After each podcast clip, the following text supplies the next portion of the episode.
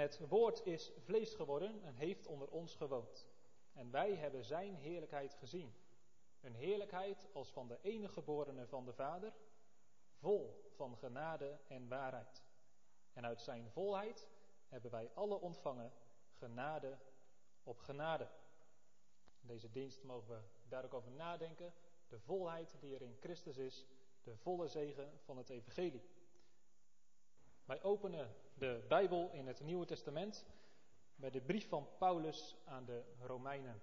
Romeinen 15, vanaf vers 14 tot en met 33. U kunt het vinden op uw liturgie. En ik hoop dat u thuis ook de tekst erbij hebt. Straks tijdens de preek zal ik regelmatig naar de teksten verwijzen. Romeinen 15, we lezen vanaf vers 14 tot en met vers 33. Nu ben ik ervan overtuigd, mijn broeders, ook ikzelf met het oog op u, dat u zelf ook vol bent van goedheid, vervuld met alle kennis, in staat om ook elkaar terecht te wijzen. Maar ik heb u ten dele op nogal gedurfde toon geschreven, broeders, als om u hieraan te herinneren, vanwege de genade die mij door God gegeven is. Om een dienaar van Jezus Christus te zijn voor de heidenen, door het evangelie van God als een priester te dienen. Opdat het offer van de heidenen welgevallig zou zijn aan God, geheiligd door de Heilige Geest. Zo heb ik dan roem in Christus Jezus in de dingen die God aangaan. Want ik durf het niet aan iets te zeggen wat Christus niet door mij teweeggebracht heeft, om de heidenen tot gehoorzaamheid te brengen in woord en daad. Door de kracht van tekenen en wonderen en door de kracht van de geest van God. Zo heb ik dan van Jeruzalem af en rondom tot Illyricum toe het evangelie van Christus vervuld.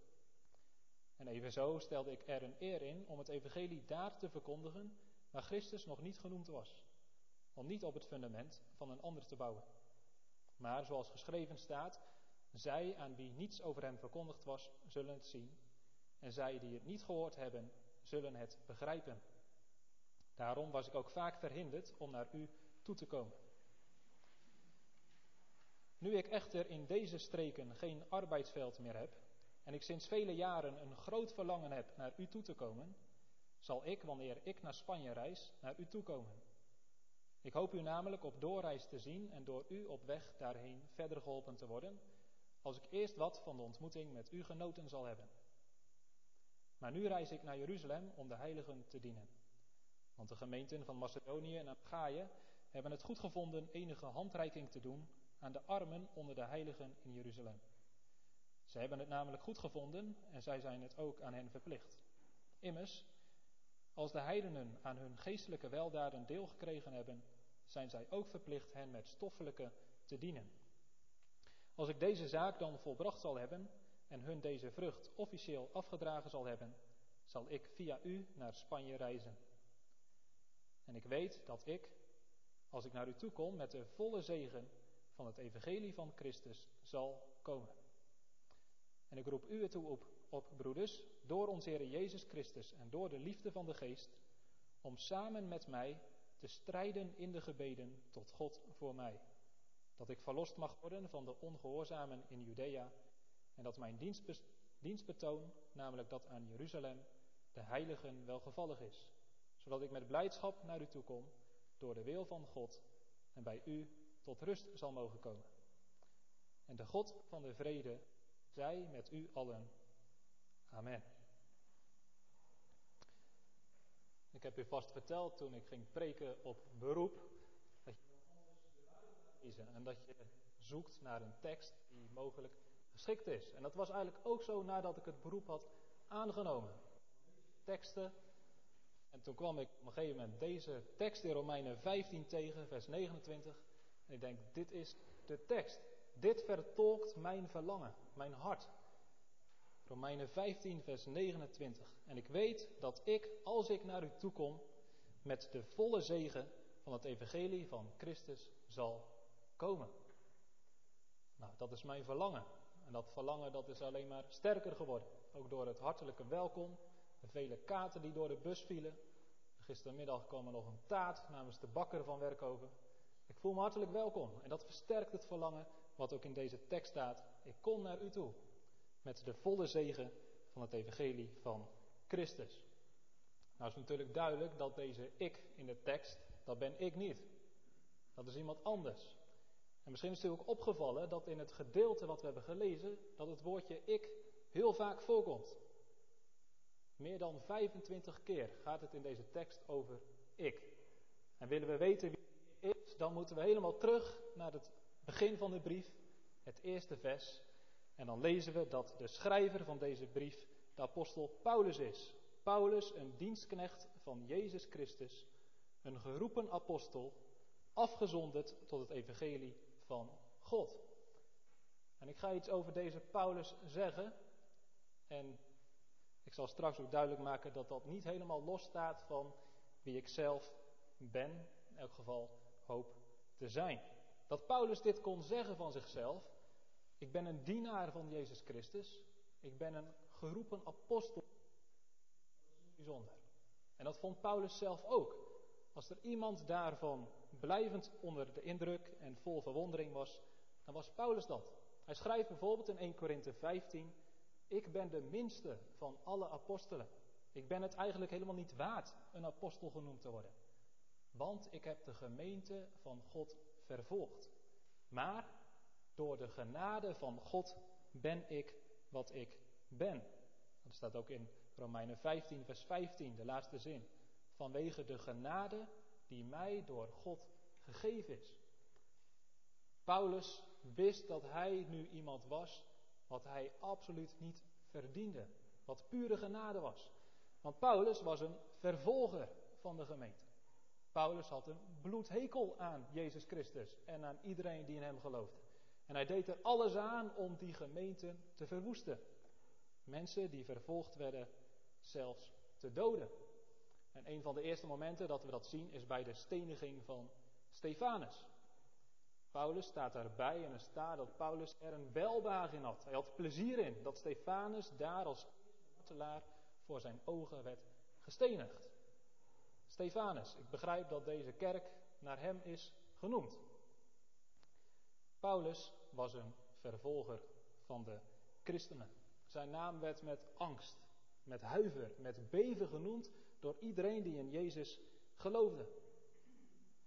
En toen kwam het moment dat Jezus, de koning van de kerk, zei: Nu is het klaar.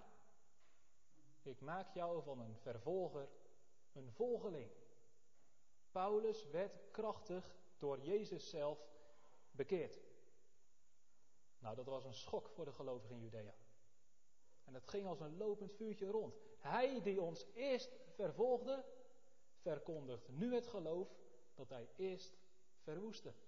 Paulus werd door God geroepen om een dienaar te zijn van het evangelie. En dan met name onder de heidenen. Romeinen 15, vers 16. De genade die hem gegeven is, is om een dienaar van Jezus Christus te zijn voor de heidenen. Nou, het is ongelooflijk met welke passie, met welk vuur, met welk ijver Paulus waargemaakt. Niemand was zo ijverig. Niemand was bereid om zo hard te strijden, om zoveel te lijden, om maar zoveel mogelijk mensen in te winnen voor de Heer Jezus Christus. En dat was niet zoals hij eerst een fariseer was, om daar eer uit te krijgen. Hij zegt, Paulus, ik kan niet anders. Ik ben door de genade, door de liefde van God overwonnen en gegrepen. Hij zegt zelfs, de noodzaak is mij opgelegd. Wee mij als ik het evangelie niet verkondig. Ik kan niet anders. Ik wil het. De genade van God werd hem te sterk. Nou, en hierin is Paulus voor mij een voorbeeld. Zo wil ik zijn. Met zoveel liefde, met zoveel passie. Jezus verkondigen. Mensen winnen voor hem. Nou, en iets van die passie en die liefde en die ijver van Paulus, die zien we in het boek Handelingen. We weten heel veel over Paulus. En heel veel over de manier waarop hij is rondgegaan om dat evangelie te verkondigen. In het boek Handelingen lezen we dat Paulus van de ene naar de andere plaats gaat. Met heel veel tegenstand, met heel veel verdrukking. Maar ook met ongelooflijk veel succes. Bijna op elke plek waar hij kwam, kwam een bloeiende christelijke gemeente. Moet u voorstellen dat er nu iemand uit deze gemeente gaat, gaat naar plekken waar nog nooit evangelie is geweest. en binnen misschien tien jaar al op heel veel plekken gewoon een kerk heeft gesticht. Maar Paulus zegt, ik ga mezelf geen schouderklopje geven. Wat ik doe, en dat staat in Romeinen 15, vers 18 en 19. Vers 17, zo heb ik dan roem in Christus Jezus in de dingen die God aangaan. Want ik durf het niet aan iets te zeggen wat Christus niet door mij teweeggebracht heeft. Om de heidenen tot gehoorzaamheid te brengen in woord en daad. Door de kracht van tekenen en wonderen en door de kracht van de geest van God. Dit was het geheim van het succes van Paulus. Niet dat hij zo slim was, dat hij zo enthousiast was. Nee, zegt Paulus, er is maar één reden. En dat is de kracht van Christus die door mij heen werkte. De kracht van de geest. Hij zegt dat op een gegeven moment ook tegen de Thessalonicenzen. Ik ben bij jullie geweest, kondig het evangelie. En dat was niet alleen in woorden. Ik spreek nu allemaal woorden tot u en u hoort woorden. Maar een woord op zich kan niks doen. Maar zegt Paulus, dat woord dat werd gebruikt door de Heilige Geest. Ik sprak tot u in de kracht van de Geest. De Heilige Geest bevestigde wat ik zei, dat dat woorden van God waren. De Heilige Geest liet de mensen weten, dit is waarheid. De Heilige Geest opende de ogen van de mensen dat ze zagen wat hij bedoelde.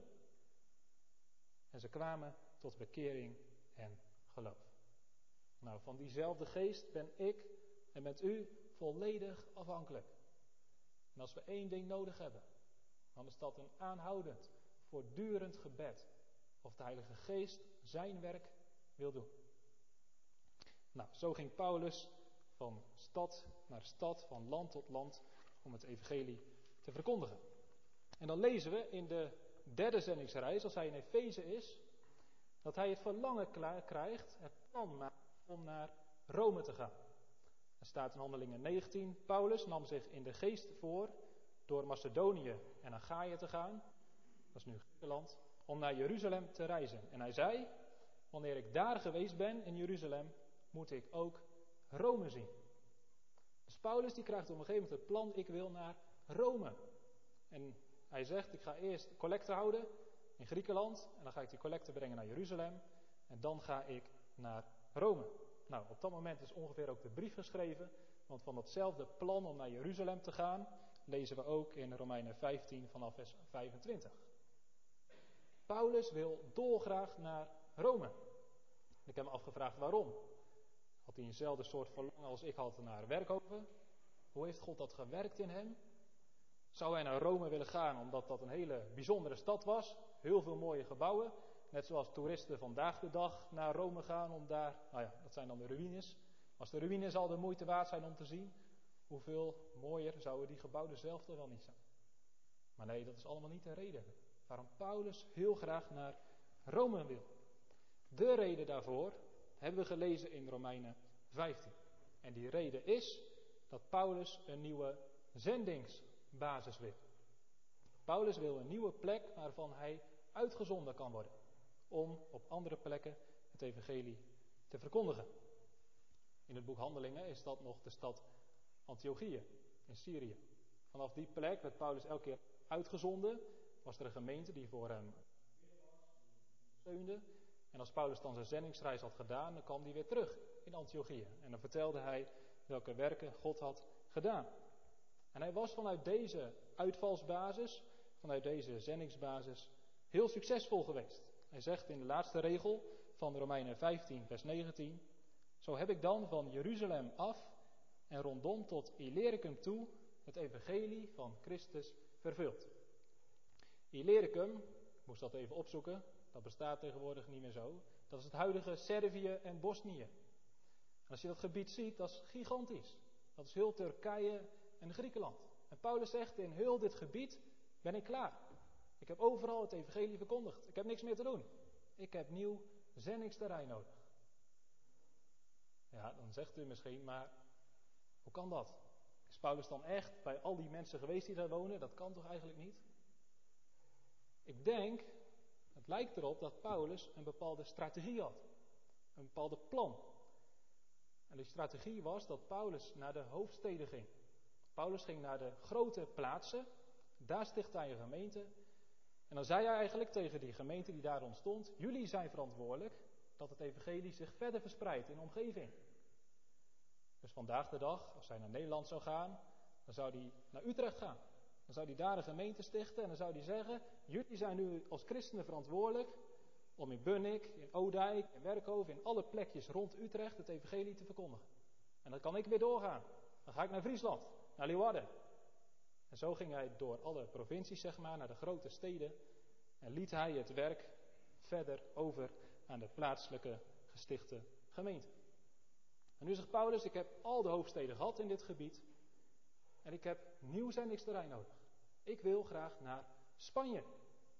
Maar de afstand tussen Antiochië en Spanje is veel te groot.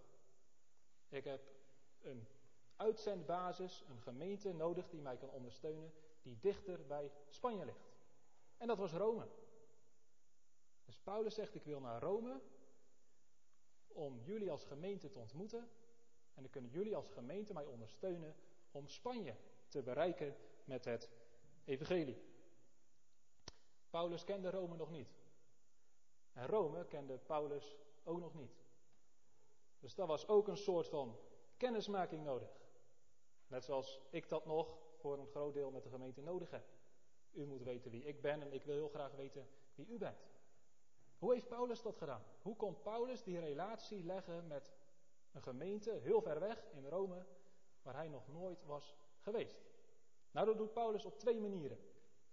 De eerste manier is waarschijnlijk iets waar u zich van afvraagt: waarom staat dat allemaal in de Bijbel? Dat is het laatste hoofdstuk van Romeinen. En dat zijn bijna alleen maar groeten. Vanaf vers 3 tot en met 24 staat er alleen maar groet, naam, groet, naam, groet, naam. En dan denk je, waarom zou dat in de Bijbel staan? Nou, voor Paulus had dat een hele duidelijke reden. Want Paulus zegt, al deze mensen aan wie ik de groeten doe, of van wie jullie de groeten krijgen, dat zijn mensen die ik ken en die jullie goed kennen. Dat zijn mijn vrienden en dat zijn uw vrienden. Misschien kent u die uitdrukking wel, zeg mij wie uw vrienden zijn, dan zeg ik wie u bent. Met wie wij relaties hebben, met wie wij goede vriendschappen hebben, zegt heel veel over wie wij zelf zijn. Dus Paulus zegt, ik noem allemaal namen die jullie kennen, daar heb ik goede relaties mee. En op die manier wint Paulus het vertrouwen van de gemeente van Rome. Dat hij een persoon is waar ze van op aankomen, met wie ze een goede relatie kunnen aangaan. Dat is de eerste manier. En de tweede manier waarop Paulus die kennismaking wil doen, die relatie wil leggen, is door kort, maar kort weer te geven wat zijn boodschap is. Als je een zendeling gaat ondersteunen, dan wil je graag weten wat hij te vertellen heeft, wat hij verkondigt. Je gaat niet iemand steunen waarvan je niet weet wat hij allemaal vertelt. Dus zegt Paulus, ik ga jullie vertellen wat mijn boodschap is. Wat het evangelie is, wat ik als apostel voor de heidenen verkondig. En de hele brief aan de Romeinen is daar een uiteenzetting van. De hele brief aan de Romeinen is eigenlijk een samenvatting, een grote lijn van de boodschap die Paulus als apostel verkondigt. Dus als die Romeinen deze brief hebben ontvangen, hebben gelezen, dan zullen zij weten, oké, dit verkondigt hij. En als hij dit verkondigt, dan gaan wij hem daarin steunen. Om deze boodschap ook naar Spanje te brengen. Ik kom tot u. Dat hebben we nu gezien. En dan zegt Paulus: Ik kom tot u met de volle zegen van het evangelie van Christus. Nou, die hele boodschap van de Romeinen, alles wat Paulus daarin zegt, die kunnen we samenvatten in deze ene regel. Het is de volle zegen van het evangelie van Christus. Wat zou Paulus daarmee bedoelen? De volle zegen van het evangelie van Christus. Misschien weten jullie wel wat het woord evangelie betekent. Dan leren jullie vanmiddag nog een beetje Grieks. Evangelie, dat betekent goede boodschap. is gezegd, zeer blijde boodschap. En als je het evangelie, als je de Romeinenbrief doorleest en je gaat begrijpen wat het evangelie is, dan zul je dat bevestigen. Dit is echt een goede boodschap. Nou, dat is veel te zwak gezegd. Het is de aller, aller, allerbeste boodschap die er bestaat. Het is het beste nieuws wat mensen kunnen horen. En dat is het evangelie van Christus. Of zoals hij eerder heeft gezegd, het evangelie van God. Dat allerbeste nieuws, dat is niet door. Dat allerbeste nieuws, dat hoef ik hier niet in de studeerkamer nog te gaan bedenken. Dat allerbeste nieuws, dat heeft een auteur. Dat is God zelf. God heeft zelf dit evangelie bedacht. En de inhoud van het evangelie is Jezus Christus. Het goede nieuws gaat niet over wie ik ben. Ik kom tot u als een dienaar, als een instrument van Jezus. Over Hem gaat het. Om Hem gaat het. Hij is de inhoud van het goede nieuws. Kan het nog korter zeggen. Hij is het goede nieuws. Nou, en ik wil vanmiddag vast daar iets van laten zien, horen. Wat is dan wat het evangelie zulk goed nieuws maakt? Helemaal in het begin van de brief geeft Paulus een soort samenvatting in Romeinen 1, vers 16 en 17. En dan zegt hij, ik schaam mij niet voor het evangelie. Dat is mooi hè? Ik hoop dat u dat ook niet doet. En jij ook niet. Want als iemand vraagt waarom geloof je of wat geloof je, dat je denkt van nou, eigenlijk durf ik dat niet goed te vertellen. Nee, zegt Paulus, ik schaam me er niet voor. Het is het mooiste nieuws. Het is het beste nieuws wat mensen kunnen horen. Ik vertel het met vreugde, zonder schaamte. Want het evangelie, zegt hij, is een kracht van God tot zaligheid. Voor iedereen die gelooft. Het is een kracht van God. Om mensen te redden. Om mensen te verlossen. Om mensen zalig te maken. Daar gaat het om in het geloof. Ja, eigenlijk gaat het erom in alle religies. Eigenlijk alle religies hebben iets van zonde, fouten, waarvan mensen verlost moeten worden. Gered moeten worden. En ook het christelijk geloof heeft te maken met verlossing. We moeten als mensen gered worden. Hoezo? Waarvan? En voordat Paulus dus het evangelie gaat uitleggen, gaat hij eerst duidelijk maken waarom wij als mensen eigenlijk gered moeten worden. En als u, ik weet niet of u de Bijbel bij u heeft, anders moet u thuis maar nalezen. In Romeinen 1, vers 18, dan begint dus eigenlijk zijn uiteenzetting van het evangelie. Maar het eerste wat hij zegt, dat is helemaal geen goed nieuws. Dat is helemaal geen beleid. Want Paulus zegt, want de toren van God wordt geopenbaard vanuit de hemel over alle goddeloosheid en ongerechtigheid van de mensen. Dat goed nieuws? Dat toren, de heilige boosheid van God geopenbaard wordt. Dat God de zonde haat en straft. Het eerste wat Paulus gaat duidelijk maken is dat alle mensen zondaren zijn. Of je nu een heiden bent die nog nooit van God heeft gehoord, of je bent een Jood die helemaal geworteld is in het Oude Testament, of je bent een trouwe kerkganger in een christelijke gemeente. Alle mensen zijn zondaren. Drie hoofdstukken lang gebruikt Paulus om ons daarvan te overtuigen. En zoals vanmorgen ook is gezegd, we laten ons niet zo makkelijk daarvan overtuigen. We hebben liefst dat mensen ons zien als goede mensen. Als dan iemand vraagt, dan zult u dat antwoord ook snel krijgen. Ik heb het van de week nog aan een paar mensen gevraagd. Bent u een goed of een slecht mens? Een goed mens. Natuurlijk. Ja, maar wie bepaalt dat? En wanneer ben je een goed mens? Nou zegt Paulus, daar hebben wij een voor gekregen. Een spiegel. Net zoals in de consistorie nu ook een prachtige spiegel. Daarin kun je kijken om te zien of jij een goed of een slecht mens bent. De wet van God. En dan kom je snel achter. Een korte blik in de spiegel. Heeft u wel eens gelogen? Ja? Dan bent u een leugenaar. Heeft u wel eens iets gestolen? Of nou klein is of groot, dan bent u een dief. Heeft u de naam van God wel eens dan bent u verraad. Bent uw ouders wel eens ongehoord? En zo kunnen we doorgaan. Keren wordt ons duidelijk dat ook wij horen bij zondige mensen. En als schuld van de zonde. Ten tweede zijn we onder de macht van de zonde. En ten derde leven we in een gebroken wereld in de aanwezigheid van de zonde. Deze drie dingen die ga ik aan de hand van de Romeinen kort doornemen. En het Evangelie geeft op al die problemen het juiste, fijne, goede, blijde antwoord. Het eerste wat Paulus duidelijk maakt is dat wij onder de schuld van de zonde zijn. Op het moment dat wij de wet hebben overtreden, staan wij schuldig. Verdienen wij het oordeel. Nou, dat willen we natuurlijk niet, dus dat proberen we een beetje weg te duwen. We proberen ons allereerst goed te praten. En als dat niet meer lukt en we toch moeten toegeven, ja, ook ik ben zondig, ook ik ben een zondaar, dan zeggen we, ja, alle mensen zijn toch zondig? Ja, dat klopt, maar dat lost het probleem niet op. En dan hopen we, ja, maar toch wel vergeven. De Bijbel zegt dat hij liefde is. Ja, dat is waar. Alleen dat betekent niet dat God de zonde vergeeft. Zomaar. Want God is heilig en God is rechtvaardig. Dat betekent dat God het goede volkomen lief heeft. Maar ook dat hij het kwaad volkomen haat. En dat hij rechtvaardig is, dat betekent dat hij het goede eerlijk beloont. Maar ook het kwaad, elke zonde, eerlijk straft. God zal mensen eerlijk behandelen.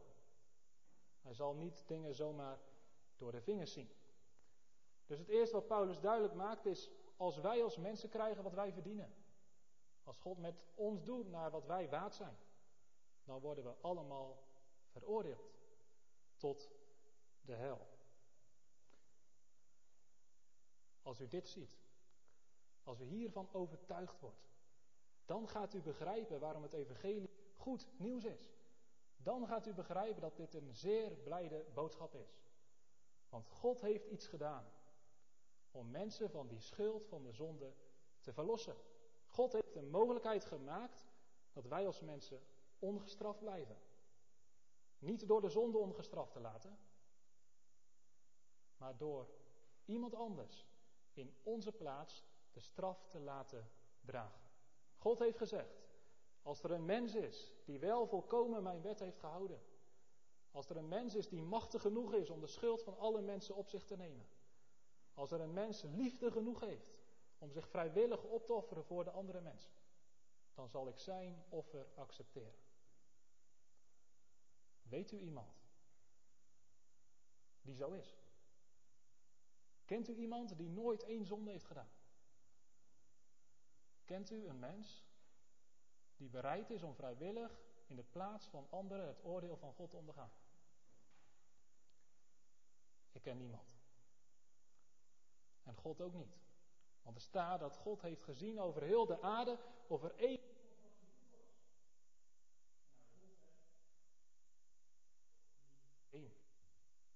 Mens is er niet. En daarom heeft God gezegd: Ik ben bereid om zelf mens te worden. Ik zal zelf de menselijke natuur aannemen. Ik zal mijn zoon sturen naar deze aarde. Zodat hij in uw plaats, in mijn plaats, de wet volkomen zal gehoorzamen. In en mijn plaats. De toren van God op zich zou. Dat is een historisch feit. 2000 jaar geleden stierf Jezus aan het kruis. Voor onze zonde om ons te kunnen verlossen van de schuld.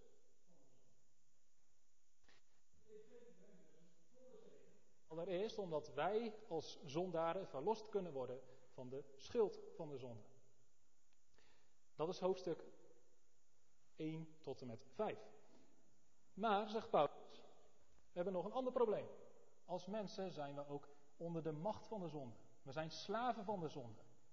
We kunnen wel vergeving hebben ontvangen, maar zijn mensen die maar al te graag de zonde doen. En op momenten dat we misschien zeggen, ja, nu, deze week zal ik geen zonde doen, dan merken dat we dat niet kunnen. We zijn geen vrije mensen om volmaakt te leven. Nee, we zijn slaven van de zonde. We moeten bevrijd worden. En we kunnen niet onszelf bevrijden. Net zoals Nederland in de Tweede Wereldoorlog zichzelf niet kon bevrijden van de Duitsers, maar de geallieerden nodig hebben.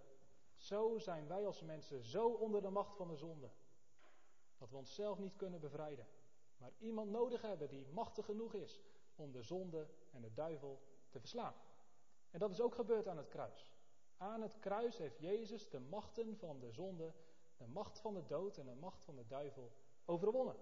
Zodat wij als mensen in vrijheid.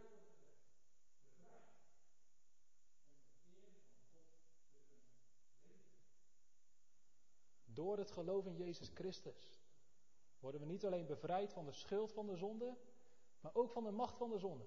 Zodat we de zonde daadwerkelijk kunnen doden. Zodat we daadwerkelijk kunnen leren leven tot eer van God. En dat is niet makkelijk. Want we zijn vrij, we zijn bevrijd van de slavernij, maar de zonde is nog wel aanwezig. We worden nog verzocht en verleid door de zonde. En elke keer struikelen we weer. Het is een strijd. En in die strijd hebben we Gods genade nodig om te volharden. En een belofte. Want zegt Paulus, we zijn met Christus gestorven, we zijn met Christus opgestaan. We vechten als overwinnaars. Dat is vanmorgen ook gezegd. We zijn in Christus al verlost. En we worden verlost. We worden geheiligd. En we mogen uitzien naar een moment dat we definitief verlost worden. En dat is de laatste zegen die het Evangelie brengt. We worden verlost uit deze zondige wereld. Een wereld met ziekte, met coronavirussen, een wereld met pijn, met lijden, met moeite en zorgen. Een wereld waarin gelovigen worden aangevallen door de duivel. We worden verlost.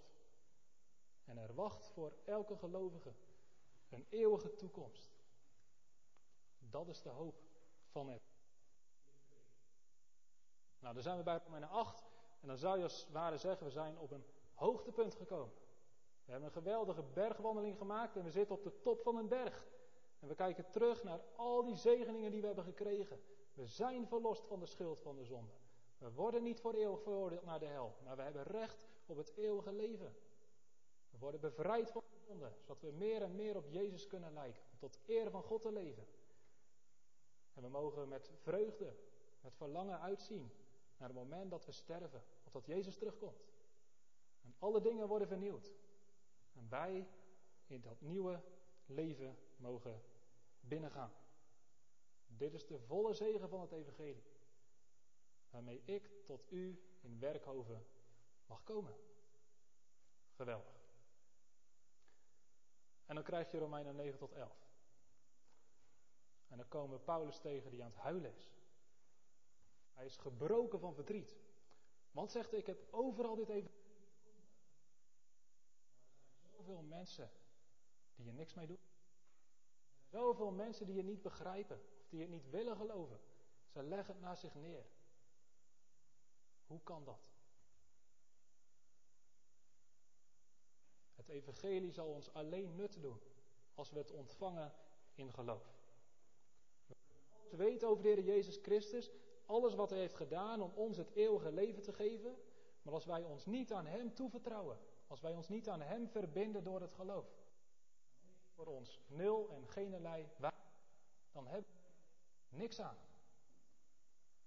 En Paulus zegt, ik zie zoveel mensen, met name onder de Joden, ze proberen gered te worden door goede werken. Ze proberen het zelf te verdienen.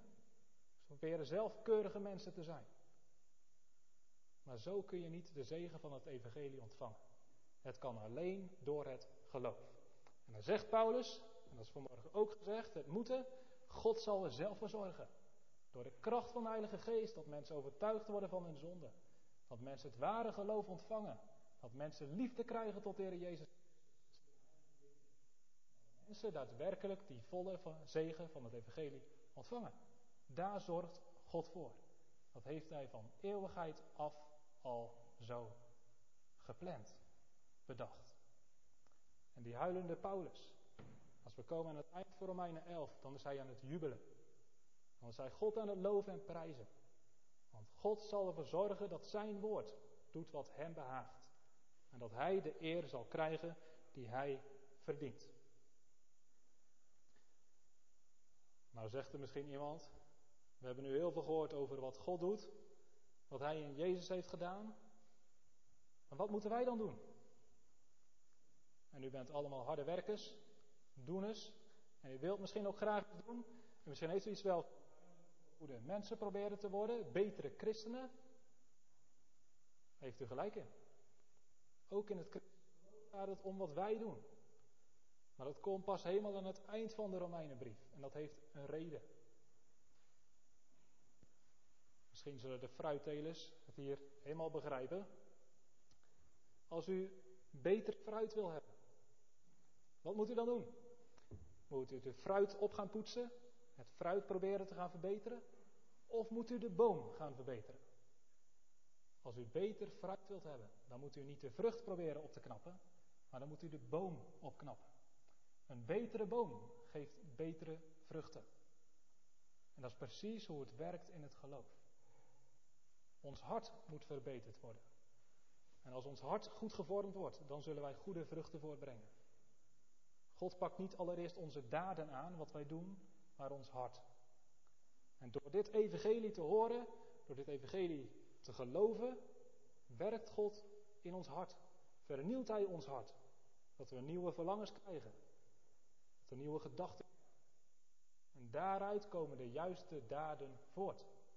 Dus uiteindelijk zal dit evangelie ervoor zorgen dat wij steeds meer op Jezus gaan lijken. En dat moet ons verlangen zijn.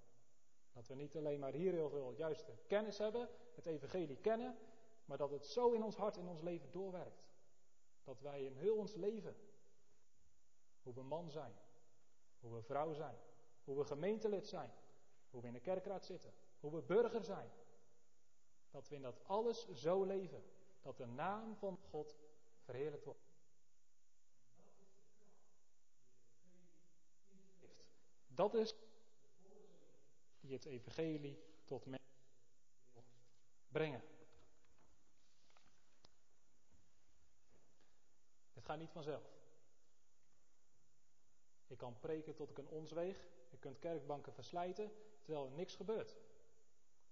We zijn volledig afhankelijk van de Heilige Geest. En denk ik ook dat Paulus aan het eind, na onze verzen, oproept tot gebed. En dat wil ik ook doen aan het eind van deze preek. Paulus schrijft in Romeinen 15 vanaf vers 30. Ik roep u ertoe op, broeders, door onze Heer Jezus Christus en door de liefde van de Geest, om samen met mij te strijden in de gebeden tot God voor mij. De duivel zit niet stil. De duivel is volop actief om mensen te verblinden voor het evangelie. Dat ze horen over Jezus, raakt. Maar de Heilige Geest wil dat verbreken. De Heilige Geest wil de duivel overwinnen. Om uw hart in beweging te krijgen. Om uw hart te openen. Om die zegen te ontvangen. En als we die volle zegen willen zien, laten we dan deze oproep ter harte nemen. Te bidden. Ik vond het heel mooi, op de kennismaking kwam er iemand namens de gebedsgroep. Die persoon zegt, zijn maar met acht personen. Ik zeg, nou, dit vind ik geweldig, want ik ben nog in één gemeente tegengekomen waar acht gemeenteleden aan deelnemen. Maar dit is zo belangrijk. De gebedsgroep is de motor van de kerk. Spurgeon, die ga ik misschien nog wel vaker noemen, was een predikant in Londen. En die kerk die groeide gigantisch hard. Had op een gegeven moment dat er zoveel mensen s'morgens buiten stonden, die er niet in pasten, dat hij tegen de gemeenteleden s'morgens zei, jullie mogen vanavond niet terugkomen. Gaan jullie maar de arme wijken van Londen in, zieken bezoeken, goede dingen doen, het evangelie aan ze vertellen, zodat die mensen die nu buiten staan, vanavond op jullie plek kunnen zitten. Nou, dat is bijzonder, dat de Heilige Geest met zoveel kracht wilde werken. En er kwamen mensen op af en die wilden weten, wat is dat geheim? Spurgeon kon zo goed preken, hoe kan het zo groeit? En zij nam ze mee naar de kelder van de kerk. En daar waren altijd 24 uur per dag, 7 dagen per week, mensen aan het bidden. Of de Heilige Geest zijn werk wilde doen. Om zondaren te overtuigen van hun zonde. Om overtuigde zondaren te brengen tot geloof in de Heer Jezus Christus. En Spurgeon zegt, op het moment dat deze bidden stoppen, dan gaat de motor van de kerk uit. En dan zal alles doodbloeden. Laten wij volharden in het gebed. Met verwachting. Want God is een beloner van degenen die hem zoeken. En hij doet boven bidden en boven denken naar de kracht die in ons werkt. Amen.